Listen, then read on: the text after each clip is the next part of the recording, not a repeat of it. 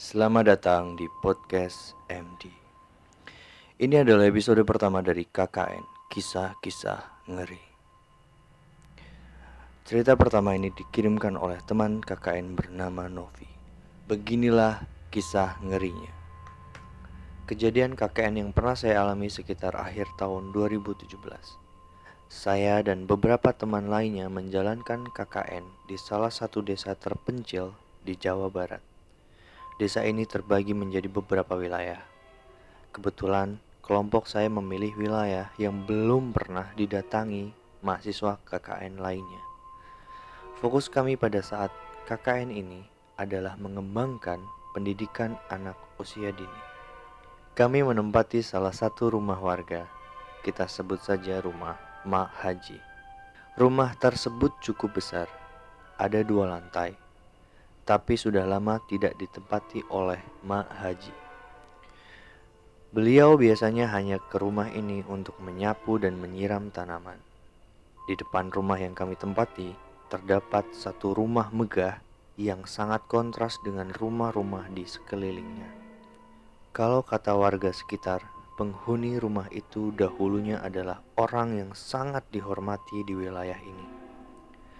Saat mengetahui posko kami di depan rumah itu, teman kami langsung mengingatkan.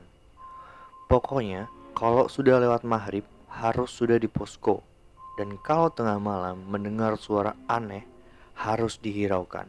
Jangan sekali-kali mengintip ke jendela, katanya. Kami pikir itu peringatan yang biasa saja, tapi kami jadi menganggap itu peringatan yang serius semenjak salah satu anggota kelompok KKN kami mendengar suara orang yang menyapu tengah malam. Dan kejadian aneh lainnya menimpa teman saya. Saat dia sedang tidur siang, ada suara lirih memanggil namanya secara berulang-ulang.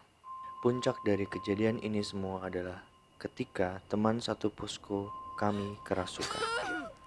Kami semua langsung panik. Tiba-tiba teman kami bisa berdialek bahasa Sunda dengan sangat fasih. Dan dia terdengar seperti kakek-kakek tua. Kami semua ketakutan.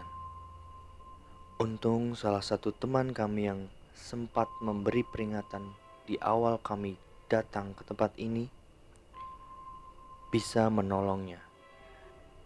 Teman kami tersebut membacakan beberapa doa Setelahnya, dia sadar dan kami mencoba menanyakan apa yang terjadi. Dia merasa seperti ada pria besar yang lewat di depannya dengan wujud hitam gelap. Setelahnya, dia lupa apa yang terjadi. Teman saya yang lain pun ternyata pernah melihat wujud tersebut. Setelah kejadian kerasukan tersebut, kami lebih mawas diri dan rajin mengaji bersama-sama karena kami sadar program KKN kami masih akan sangat lama di tempat ini. Untungnya, kami semua baik-baik saja hingga program kerja KKN kami selesai. Begitulah cerita yang dikirimkan oleh teman KKN bernama Novi.